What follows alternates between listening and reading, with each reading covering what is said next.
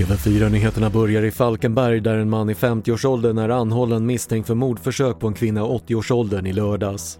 I, igår kväll eh, greps den här mannen vid nio tiden på kvällen och han greps i Halland då, i, i en bostad.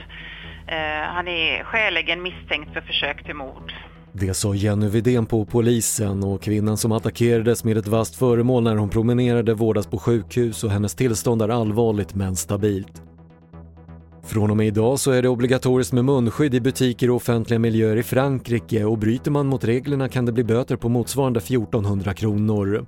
Sedan tidigare gäller munskydd i bland annat kollektivtrafiken men nu har reglerna skärpts för att hejda en andra våg av coronasmitta. Och flygplatser runt om i Europa anpassar sig till ett större fall för flygtrafiken i år än väntat. I juni var antalet passagerare 16,8 miljoner vilket kan jämföras med 240 miljoner förra året och efter oväntat låga siffror i juni räknar branschen med att det dröjer till 2024 innan trafiken är tillbaka på 2019 års nivåer. Det var det senaste från TV4 Nyheterna. Jag heter Patrik Lindström.